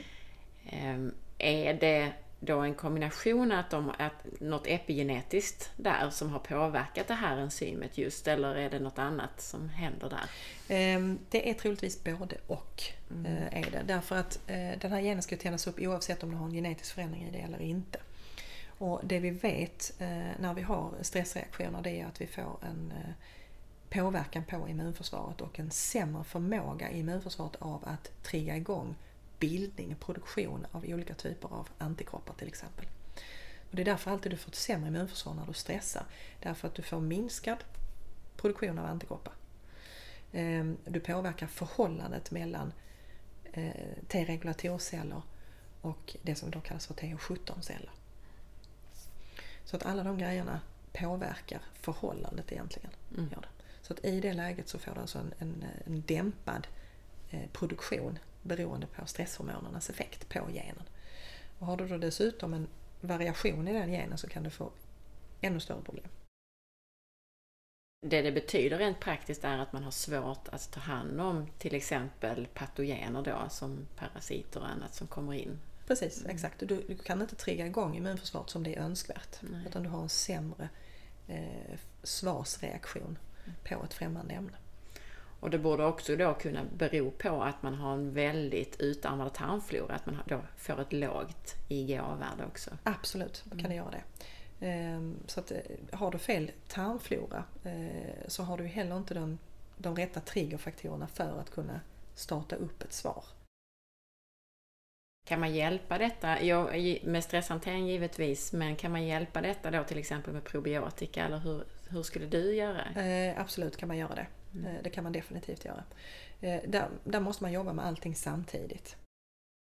Jag kan säga att kan man inte hantera stressen eh, så är det väldigt svårt att komma tillbaka till ett normalt balanserat hälsotillstånd. Därför att de hormonerna som rullar runt när vi är stressade, de har så stora effekter på all form av produktion i kroppen. Så det har inte bara med ditt immunförsvar att göra. Utan det har att göra med avgiftningsfunktioner. Det har att göra med leverfunktioner. Så det är så mycket som har påverkat av stresshormonerna. Mm. Du får förändringar i eh, signalsubstanserna i hjärnan. Eh, du får en minskad uthållighet för fysisk ansträngning. Så det är många olika system som påverkas av stressen. Så att stress är någonting vi alltid måste hantera. Tillsammans med att vi då hjälper och backar upp systemet. Som till exempel om du hittar någon som har ett lågt IGA. Då gör vi allting vi kan för att hjälpa kroppen att börja producera de här ämnena så gott vi kan. Men samtidigt måste vi också lägga in en strategi för hur gör vi med stressen? Mm. Hur tar vi den vidare? Så vi måste jobba med det parallellt. Och det är ju ofta så att det är det som man låter bli, alltså gärna om man tittar på Det är det som är svårast att förändra. Man vill gärna ha örtpreparat och man vill ha tillskott och så vidare. Precis. Men stressen är lite svårare. Och det jag tänkte, men alltså när det har gått så långt att alla de här systemen är påverkade eh, och eh, IGA-värdet är väldigt lågt och så vidare. Räcker det med de här sakerna då som du nämnde innan, att man andas lite framför datorn ett par minuter? Svar nej. Vad behöver man då göra? Eller vad kan man, man göra då? Ehm, då behöver man, därför att vad man ska försöka få igång där ehm, i de eh, processerna, det är, där ska man backa upp ehm, det vi kallar för HPA-axeln. Eh, och då har vi faktiskt bra eh, örter, adaptogena örter som faktiskt stärker den här HPA-axeln och får igång en normal signalering mellan hjärnan och binjurarna, får igång produktionen av binjurarna igen. Eh, så att det ska man ta hjälp av. Ehm, samtidigt så behöver man hitta en teknik som passar individen där den kan träna upp sin stresstålighet. Där finns både de som blir utmattade och de som blir överaktiva. Ehm, så att där tycker jag att man kan eh, utnyttja, alltså beroende på vem man är och vad man känner sig bekväm med, men eh, där är mindfulness en bra teknik eh, som man kan utnyttja. Man kan ta hjälp av en, en KBT-terapeut eller psykolog, vilket jag gärna gör. Ehm, man kan se till att vistas i miljöer som är lugna. Ehm, man kan se till att kanske göra enkla yoga rörelser. Man behöver inte träna det utan man kan ligga i vissa positioner som har en gynnsam effekt på avkoppling och stresshormonsystemet till exempel. Så man behöver rekrytera lite olika hjälpmedel men man måste också få det att fungera för personen för man är olika. De som är överaktiverade, de som liksom har svårt att sitta stilla fast att de är utmattade och fast att de har ett system eh, som är väldigt stressat. De brukar jag rekommendera rörelse. Eh, och då är det bättre att till exempel göra någon lättare yogapass, eh, tai chi, qigong, Eh, därför att de har mycket, mycket svårare för att sätta sig ner och börja andas. Och då är det mycket, mycket bättre att sysselsätta sig med någon komplex rörelse i form av eh, yoga eller qigong därför att då kan du inte göra någonting annat än det. Så då stänger du ner det systemet ändå. Och det vet man ju själv också att det finns ju dagar när det kan vara jätteeffektivt att andas och vila och försöka meditera medan vissa dagar så kommer man inte dit för då är man så uppe i varv. Precis. Och så att gemene man kan ju ta hjälp av de här sakerna som du säger. Precis, mm. exakt. Och så lyssna på kroppen eh, och välj det som passar dig. För sen kan man ta sig själv vidare, för man kan ju lära sig hela tiden. Sen finns det ju appar och sånt man kan utnyttja om man tycker om teknik. Ehm, och det finns eh, något som jag tycker om att använda är det som kallas för heart rate variability. Eh, och det är helt enkelt ett sätt att synkronisera hjärtslag och andning. Eh, som kan hjälpa vissa som då har svårt att liksom bara sätta sig ner och andas och känna in kroppen. kan man utnyttja den typen. Man kan också gå på guidade meditationer där de tar sig igenom kroppen för en. Hjälper en att slappna av på olika sätt. Du nämnde ju då adaptogena örter. Mm. Vilka använder du gärna när man är väldigt stressad på det här mm. sättet? Mm. Ja, då är vi inne på det här med genetik också. Därför att vissa adaptogena örter kan du inte använda när du har en viss typ av genetik. Då kommer vi in på det här med komtenzymer. Eh, så beroende på komtsammansättningen Ehm, därför att man kan, man kan felreagera. Ehm, använder man till exempel eh, rhodiola rosea eh, på någon med ett eh, långsamt komtenzym eh, så kan man få en felreaktion av att den personen faktiskt blir ännu sämre. Är det någonting som KOMT måste bryta ner? Är det därför? Mm. Så att där gäller det att välja adaptogener ut efter faktiskt vad du har för genetik. Men alltså det är ingen fara att prova. För får man den reaktionen till exempel på rhodiola rosea då väljer man ett annat preparat. Då kan man till exempel testa ashwagandha. Och det funkar för en person med långsamt Ja. Mm. Ja.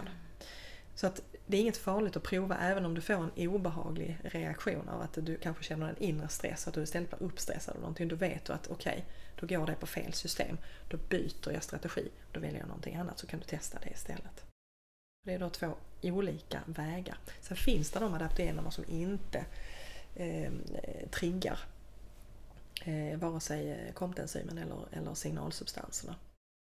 Där finns kombinationer eh, av örter. Eh, finns där, eh, som vi tyvärr faktiskt inte har tillgång i Sverige, kommer jag just nu att tänka på. Men hur är det, är det några andra annars som du eh, använder? Jag vet att folk använder helig basilika, så det här som kallas för holy basil. Är det någonting som kan ha effekt, anser du? Eh, där finns faktiskt ganska många som kan ha effekt. Eh, Holy Basil är en av dem. Eh, valeriana, eh, rot är en annan. Eh, johannesört kan fungera på somliga. Alla de går i de här adaptogena systemen. Beroende på eh, som sagt vilken genetik man har så kommer man reagera olika på dem. Ha olika effekt av dem. Men alla de är adaptogener som man kan utnyttja. Det finns ju andra också adaptogener som man kanske inte i första hand använder vid stress, men det kan, funkar de också? Jag tänker så här reishi, macka, sådana här saker. Är det också användbart vid stress? Alla människor är ju stressade. Alla människor är stressade, precis exakt. Um, alltså vad jag tycker om att göra i de situationerna det är faktiskt att um, därför att vad som händer när man stressar är att man äter sämre. Så bara en sån enkel sak som att hålla koll på blodsockret genom att äta regelbundet. Ehm, och tugga maten eh, kan faktiskt ändra stresshormoninsöndringen. Så det är en väldigt enkel sak utan att man behöver ta till någon adapto- adaptogen eller någonting sådant. Mm. Utan det är ba- bara en väldigt, väldigt enkel sak att reglera sitt blodsocker. Att välja bort saker som triggar blodsockret, alltså det här som man gärna vill ha när man är stressad. Bröd, pasta, socker. Eh, därför att de kommer bara försämra stressen. Så att satsa först och, först och främst på kosten och håll blodsockret stabilt. Så har du kommit en bra bit på vägen och sen lägger du på det andra om du behöver. För sen läggs de, sen blir de bara en ytterligare effekt till det andra. Jag tänkte på det här apropå att vi nu pratar om tarmen och immunförsvaret då kopplat till stress. Ibland så säger jag också det att alltså ät inte i ett stressat tillstånd utan andas lite först, se till att du har lugn och ro innan du äter. Annars kan jag tycka att det nästan är bättre att låta bli faktiskt. Alltså Ja. att man, man väntar med att äta tills man har tid att sitta i lugn och ro. Precis. Och det är just det här att planera in det. Alltså hur svårt det än är eh, så måste du få in de rutinerna hur stressad du än är. Därför att annars kommer du aldrig förbi det här första stadiet. Och du kommer fortsätta att driva de här stresshormonerna. Det var ju lite då kring IGA och stress. Är det någonting mer vi skulle säga om det just, tänker du? Um, något som också händer när du är stressad det är ju att du utsöndrar adrenalin och noradrenalin. Uh, och vad man ska tänka på eh, med de stresshormonerna det är faktiskt att de stimulerar tillväxt av fel bakterier i tarmarna. Uh, och det är framförallt E. coli och Yersinia och Pseudomonas som gynnas av adrenalin och noradrenalin. Och vad de, har, vad de gör, den typen av bakterier, eh, det är att de eh, aktiverar immunförsvaret eh, genom att producera något som kallas för lipopolysackarider. LPS. LPS är förkortningen för det. Och det orsakar alltså det vi kallar för populärt för dysbios, alltså en felstyrning styrning av tarmfloran. Och det i sin tur kan då trigga immunförsvaret och inflammationen. Och LPS brukar man också säga som en trigger då av det här som heter sonulin. Som då kan bidra till de här tight junctions, att de Läcker. läcker. Precis. Precis. Allt hänger ihop. Allt hänger ihop. Och mycket är stressrelaterat just. Ja. Vår tarmflora, själva sammansättningen påverkas ju av stress. Du nämnde några saker här som ökar. Det kan ju i sin tur också leda till att vissa saker minskar. Vilka bakteriearter är det som minskar snarare då av stress? Ehm, det är oftast eh, bifidobacterstammarna och laktobacillerna som eh, inte klarar av den miljön mm. som bildas. Och det är väldigt vanligt om jag tittar på de avföringsprover som jag har gjort, att man är lite låg, framförallt i bifidobakterier, kanske laktobaciller, och sen lite högre i de stammar som du precis nämnde. Precis, exakt. Att, japp, stress. Stress hänger ihop och det är därför det är så viktigt, alltså när vi, när vi jobbar som vi gör, så är det just det att vi gör inte en sak åt gången, utan vi jobbar med de här systemen samtidigt. Därför att gör vi inte det så har vi svårt att komma åt alla de här olika mekanismerna som hänger ihop. Så Det är det som är skillnaden egentligen med det vi gör. Att vi måste ta hänsyn till alla de här systemen samtidigt och försöka lyfta dem samtidigt för att få den här samverkan. För att få igång läkningsprocessen. En sak som vi inte får glömma och nämna här i sammanhanget är det här som vi brukar förkorta SCFA. Alltså det är kortkedjade fettsyror och den här förkortningen står ju för Short Chain Fatty Acids. Mm. Och ämnen som bildas när bakterierna tar hand om fibrer eh, och vi eh, har haft uppe det här i, tidigare avsnitt. Men eh, i en del avföringsprover så mäts då de här och då är det ofta vissa sorter, alltså butyrat och acetat och så vidare som mäts. Mm. Då är det många som undrar vilka sorters bakterier som producerar vilken kortkedjad fettsyra. Mm. För att man kanske har fått ett mått på sammansättningen men så vet man inte vad man ska göra av det här. Mm. Vad ska man tänka på? Och vad det då säger om tarmfloran. Mm. Så, ja. Ehm, och jag kan säga att eh, vi har inte helt klart för oss ehm, eh, vad som egentligen är den ultimata tarmfloran. Vi vet, att, vi vet vilka som har vilka effekter och positiva effekter i, i ehm, i kroppen. När det gäller eh, short chain fatty acids, alltså de här kortkedjiga fettsyrorna, så bildas de faktiskt av ganska många olika typer av bakteriestammar. Och de här Eh, är framförallt då de anaeroba stammarna, alltså de som inte behöver syre för att växa till. Eh, och då har vi då de här som är då bifidobakterna, vi har något som heter Ruminococcus och vi har eh, fusobakterier och vi har laktobaciller. Eh, och jag kan säga att alla de kan producera alla tre varianterna av eh, de här kortkedjiga fettsyrorna. Och det är då propionat, butyrat och acetat. Sen finns det vissa stammar som är lite bättre på att producera Eh, de här olika mängderna eh, av de här tre respektive kortkedjiga fettsyrorna. Ehm, vad vi inte vet i dagsläget det är om någon, någon, av de här är bättre än någon annan utan det håller vi fortfarande på att undersöka. Men vi vet ju också att de här bakteriestammarna alla producerar de här tre. Eh, och det är det viktiga därför att de här olika tre olika sorterna så att säga, de är viktiga för eh, hälsan i tarmytan och tarmytans möjlighet att eh, använda, ta upp näringsämne. Så att det är inte så viktigt vilken bakteriestam som gör vad. Utan det viktiga är att man har de här stammarna så att man vet att man säkerställer en produktion av de här kortkedjiga fettsyrorna eftersom de har viktiga funktioner i kroppen. Men jag tror många har hört om just butyrat som är, kan vara antiinflammatorisk och är väldigt viktig på många sätt. De här andra typerna av kortkedjade fettsyror, är de lika viktiga som butyrat? Svar ja, eh, därför att de har andra reglerfunktioner. Eh, så att de hjälper till. Eh, till exempel i att reglera immunförsvaret. Så därför kan man inte plocka bort den ena och säga att den ena är viktigare än den andra.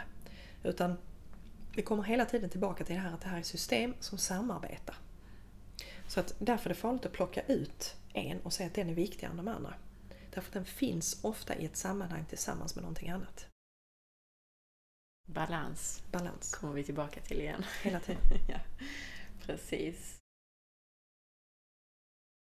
För att summera upp lite grann det här som du har sagt nu om tarmfloran eh, och immunsystemet. Om du bara skulle säga dina viktigaste tips för hur man balanserar sitt immunförsvar? Mm. Det viktigaste, alltså det, det, man kan göra och tänka på eh, det är det jag alltid kommer tillbaka det som alltid är eh, något av det viktigaste. Det är kosten. Se till att ha en kost som är baserad på grönsaker. Den är baserad på bra produkter. Det är bättre att äta mindre och bra produkter. Ehm, så att är man, är man ehm, inte vegetarian så att säga, att man väljer bra kött, då får det kosta lite mer för du behöver inte så stora mängder. Ehm, utan lägg det hellre då på kvalitet. Grönsakerna ska vara drivande, det ska vara den stora mängden. Och du ska alltid kombinera varje måltid med bra fetter i det. Så en bra sammansatt måltid med naturliga produkter och mycket grönsaker. Fettet är en av och sakerna fettet. som gör att man faktiskt inte behöver så stora mängder, till exempel kött. Mm. Precis, och som heller inte driver det här kolhydratsuget. Så att fetterna ska ingå i varje måltid. Se till att ha bra fetter med er, för då dämpar ni sug efter fel saker. Och dessutom så är fetterna jätte, jätteviktigt för hormonproduktionen, så det får man inte glömma bort. Jätte, jätteviktigt för det. Um, använd någonting som stabiliserar tarmkanalen. Så att gärna ett bra probiotika om du tolererar det. Använd Omega-3 därför att det stärker alla möjliga delar av immunförsvaret inklusive sammansättningen av tarmfloran. Använd gärna någon form av matsmältningsstöd om du har problem. Därför att för lite saltsyra eller för lite enzymer kommer att negativt påverka både immunförsvaret och sammansättningen av din tarmflora. Så det är tre väldigt enkla tillskott som du kan föra till som kommer att ha en stor betydelse för funktionen. Ehm, rör på dig. Därför att när du rör på dig så är det inte bara det att, att eh, du till exempel gör dig av med överskottsadrenalin. Ehm, eh, utan vad som händer där också är att du ändrar din ämnesomsättning. Du får igång cirkulationen. Ehm, eh, du får igång en annan typ av hormonproduktion. Det är så mycket som händer när man rör på sig. Och du behöver inte bli någon träningsfreak, det är inte det det handlar om. Men se till att röra på dig dagligen. Det är de här små enkla tipsen som man alltid får. Gå till arbetet om du har möjlighet eller cykla. Och det, de här tipsen gäller även för att balansera immunförsvaret? Svar ja. Därför att rör du inte på dig så kommer du att samla på dig ämne som kommer att påverka immunförsvaret på ett negativt sätt. Du behöver cirkulation, du behöver en rotation på ämnena i kroppen och det får du inte om du sitter stilla. Du behöver ha cirkulation till alla delar av kroppen, du behöver ha hormonproduktion och det kräver att du rör på dig. Dessutom får man ju en massage av tarmpaketet. Faktiskt. Precis, det också. Mm. Hålla igång tarmarna. Så rör på dig för immunförsvaret. Stresshantering är ett måste. Så att hitta tekniker och hitta sätt där du känner att du kan koppla av. Och det räcker inte med att man gör det på helgen. Utan det måste till dagligen. Så man, och måste man schemalägga det så schemalägger man det. Men det ska naturligtvis inte bli så att det stressar en för då har du ju en negativ effekt av det. Men sätt dig då ner och fundera på vad tycker jag är roligt? Vad får mig att känna mig glad och nöjd? Därför att känner du glädje så sjunker nämligen stresshormonen och då kan man börja i den änden. Och sen avlasta tarmen. Det är faktiskt jättebra att göra det. Pausa Eh, genom till exempel att ha vissa dagar när du har, äter lite mindre eller du har det vi kallar för intermittent fasta. Att du låter det gå eh, ett visst antal timmar utan att du faktiskt äter någonting. Därför att då startar reparationsprocesserna och systemet får en chans att eh, hämta sig och tarmbakterier och annat får en chans att eh, balanseras. Och där kan jag bara flika in att även om man nu inte har lust att fasta en hel dag eller, eller så, så kan man ju åtminstone tänka på att man varje dygn fastar 12 timmar över natten. Precis, precis. Mm. Det är ett jättebra sätt att göra det på. Då får du den här pausen i systemet som den behöver för att ta hand om saker. Eh, och sen sist men inte minst, se till att få en bra sömn. Eh, därför att sömnen påverkar dina hormoner och hormonerna påverkar ditt immunförsvar. Man kan se på sömnen som vår städpatrull. Eh, du städar inte bara hjärnan utan du städar hela kroppen när du sover. Så det är jätte, jätteviktigt att se till att ha en bra sovrutin. Jättebra tips. Och det summerade upp det här väldigt fint. Jag kommer dock inte lämna det riktigt än. Jag har två mer till frågor innan vi avslutar den här intervjun. Och det ena är det här med tarmfloran, för den är ju inte bara viktig för immunsystemet utan den hjälper oss också att producera bland annat vitaminer och enzymer. Kan du ge några exempel på vad tarmfloran producerar åt oss för mm. någonting?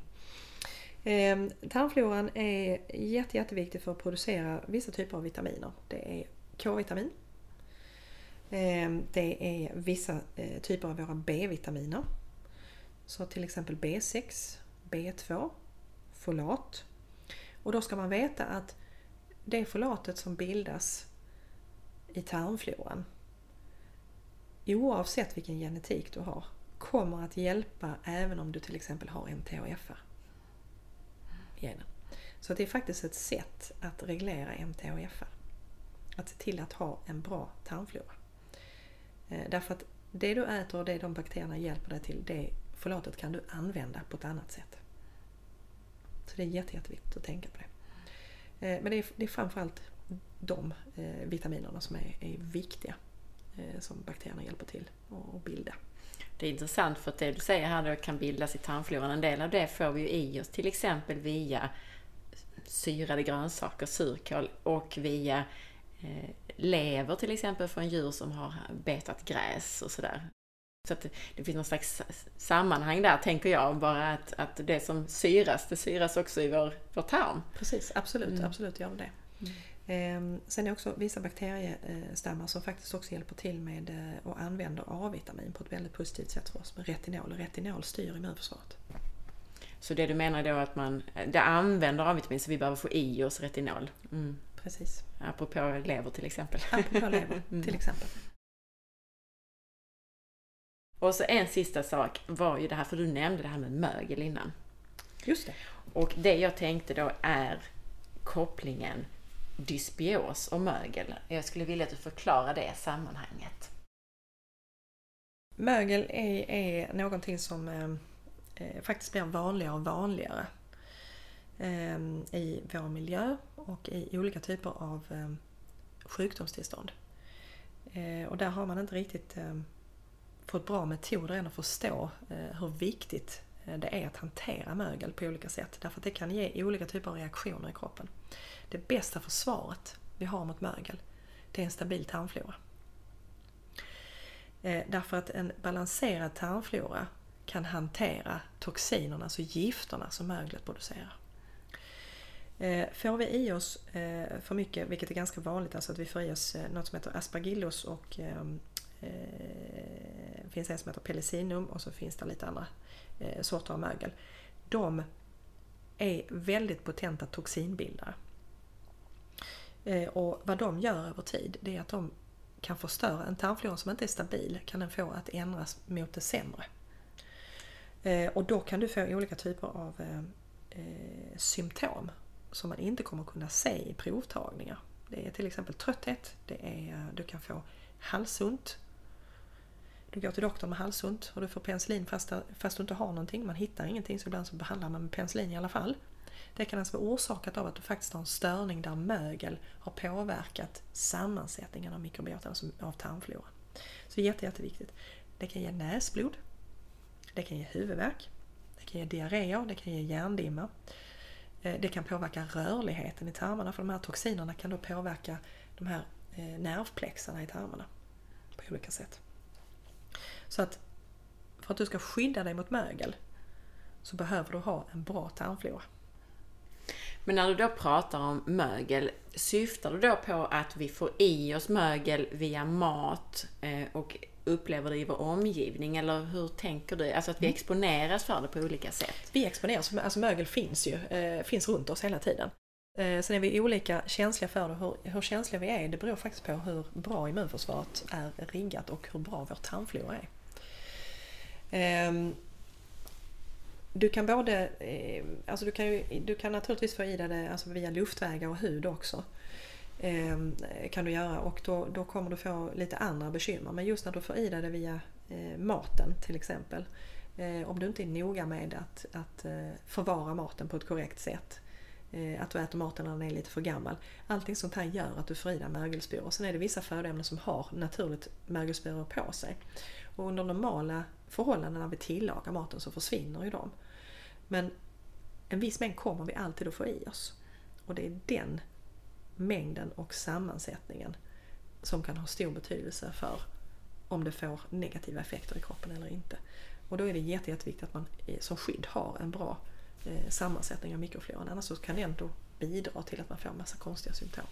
Jag tänker då spontant när du säger livsmedel som, som eh, då kan innehålla mögel. Jag tänker ju vissa sorters nötter till exempel, mm. svamp. Um, är det någonting annat man ska tänka på särskilt här?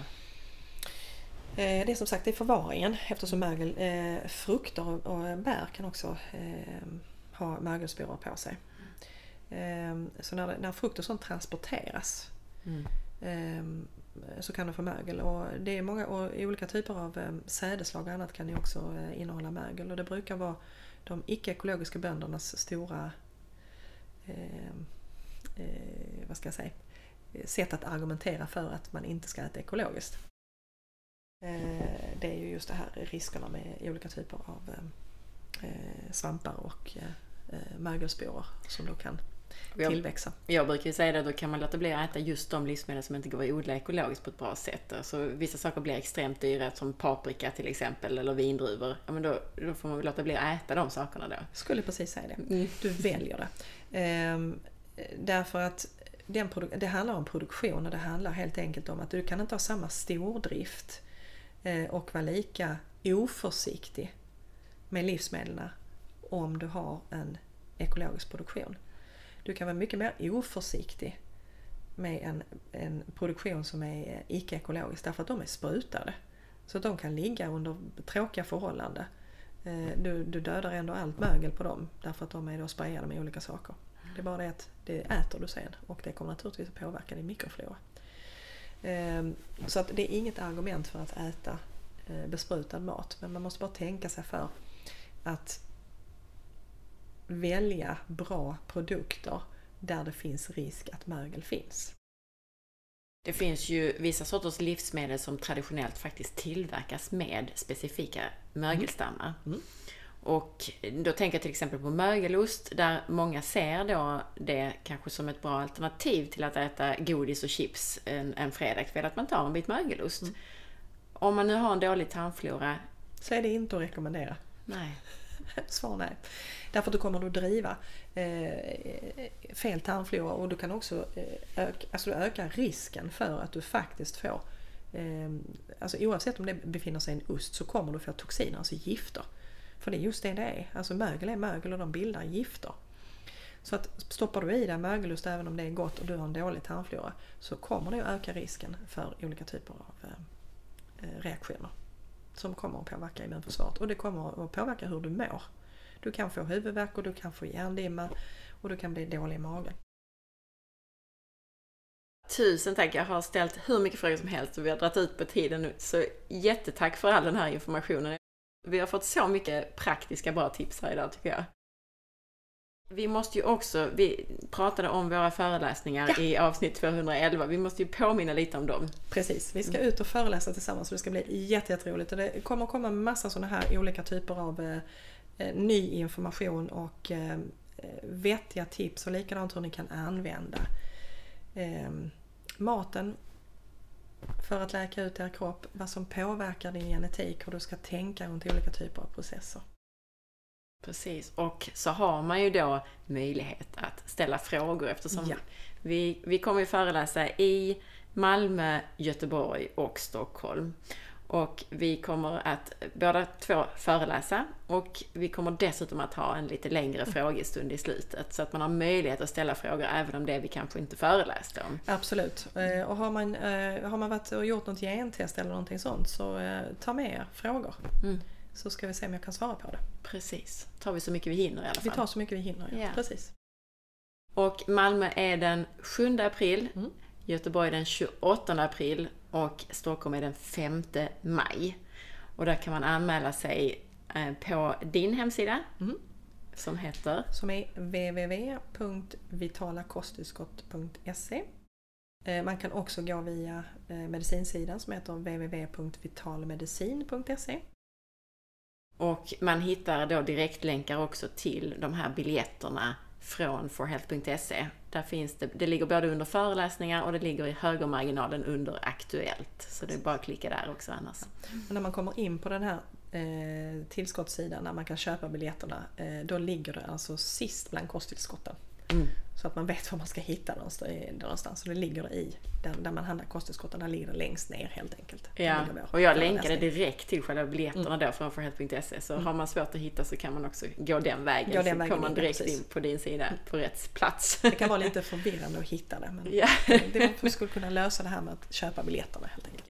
precis. Ja, så då hoppas vi att vi träffar er där. Eh, Och det ser vi fram emot. Ja. Hoppas att många kommer. Precis. Men tusen tack för idag Cecilia. Verkligen jättemycket praktiska tips kring alla möjliga områden. Allt från stress till autoimmunitet. Jag tackar så jättemycket. Det är alltid kul att vara med här.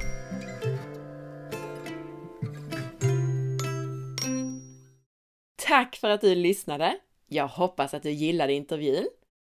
Om du gillade podcasten så glöm nu inte att dela den och tipsa andra. Missa inte heller att följa med på facebook.com forhealth.se och på Instagram via asparre. Gör också som Björn Axel och lämna din recension i iTunes. Björn Axel skriver Tack för din inspiration och vägledning. Jag och min fru lyssnar regelbundet på din podd. Den senaste med Cecilia Fürst var fantastisk. Du har så många kompetenta gäster och jag önskar att vi enklare kunde gå in i iTunes och ge dig och dina gäster ett stort hjärta från oss varje gång vi lyssnat. Allt du tar upp är så intressant och vägledande. Bra att du också sammanfattar samtalen, då experterna ibland blir för tekniska. Tack igen för allt och speciellt till dina fina gäster. Vi bor i Stockholm och det är så härligt att höra dig berätta och vägleda. Hälsar Björn och Kerstin. Tusen tack till er för er fina och värdefulla recension. Ha nu en riktigt fin dag så hörs vi snart igen. Hejdå!